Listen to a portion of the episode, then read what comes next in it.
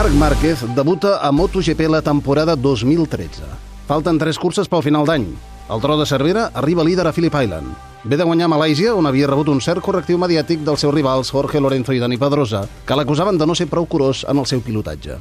El seu avantatge a la general és de 43 punts sobre Lorenzo i de 54 sobre Pedrosa. Però a Phillip Island les coses no van bé per ningú. Hi ha asfalt nou i els pneumàtics es destrueixen.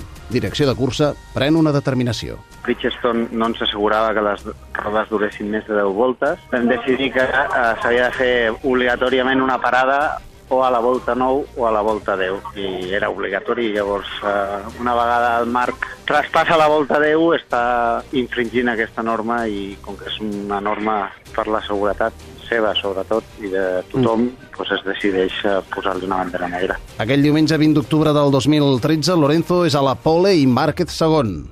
Les posicions de sortida es mantenen fins que toca el canvi de moto. Lorenzo entra quan toca, Márquez es passa una volta i la gent de Yamaha corre als comissaris a reclamar una sanció.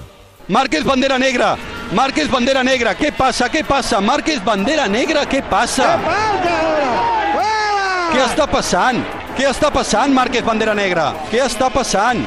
Ara mateix, bandera negra... Bandera negra per Márquez, bandera negra per Márquez. La pissarra l'he llegit perfectament, eh, ho teníem molt clar eh, quan havia d'entrar, el problema que, que el planning que havíem fet no era el bo, no? Pensàvem que la volta 10 també es podia entrar, eh, comptava, però, però es veu que no, no? que era l'anterior, la, ja hem entrat una més tard i bueno, això ha provocat la desclassificació. Al box pues, pues, eh, sentien tots culpables, no? perquè al final l'estratègia l'han fet entre, entre tots eh, i tots han fallat.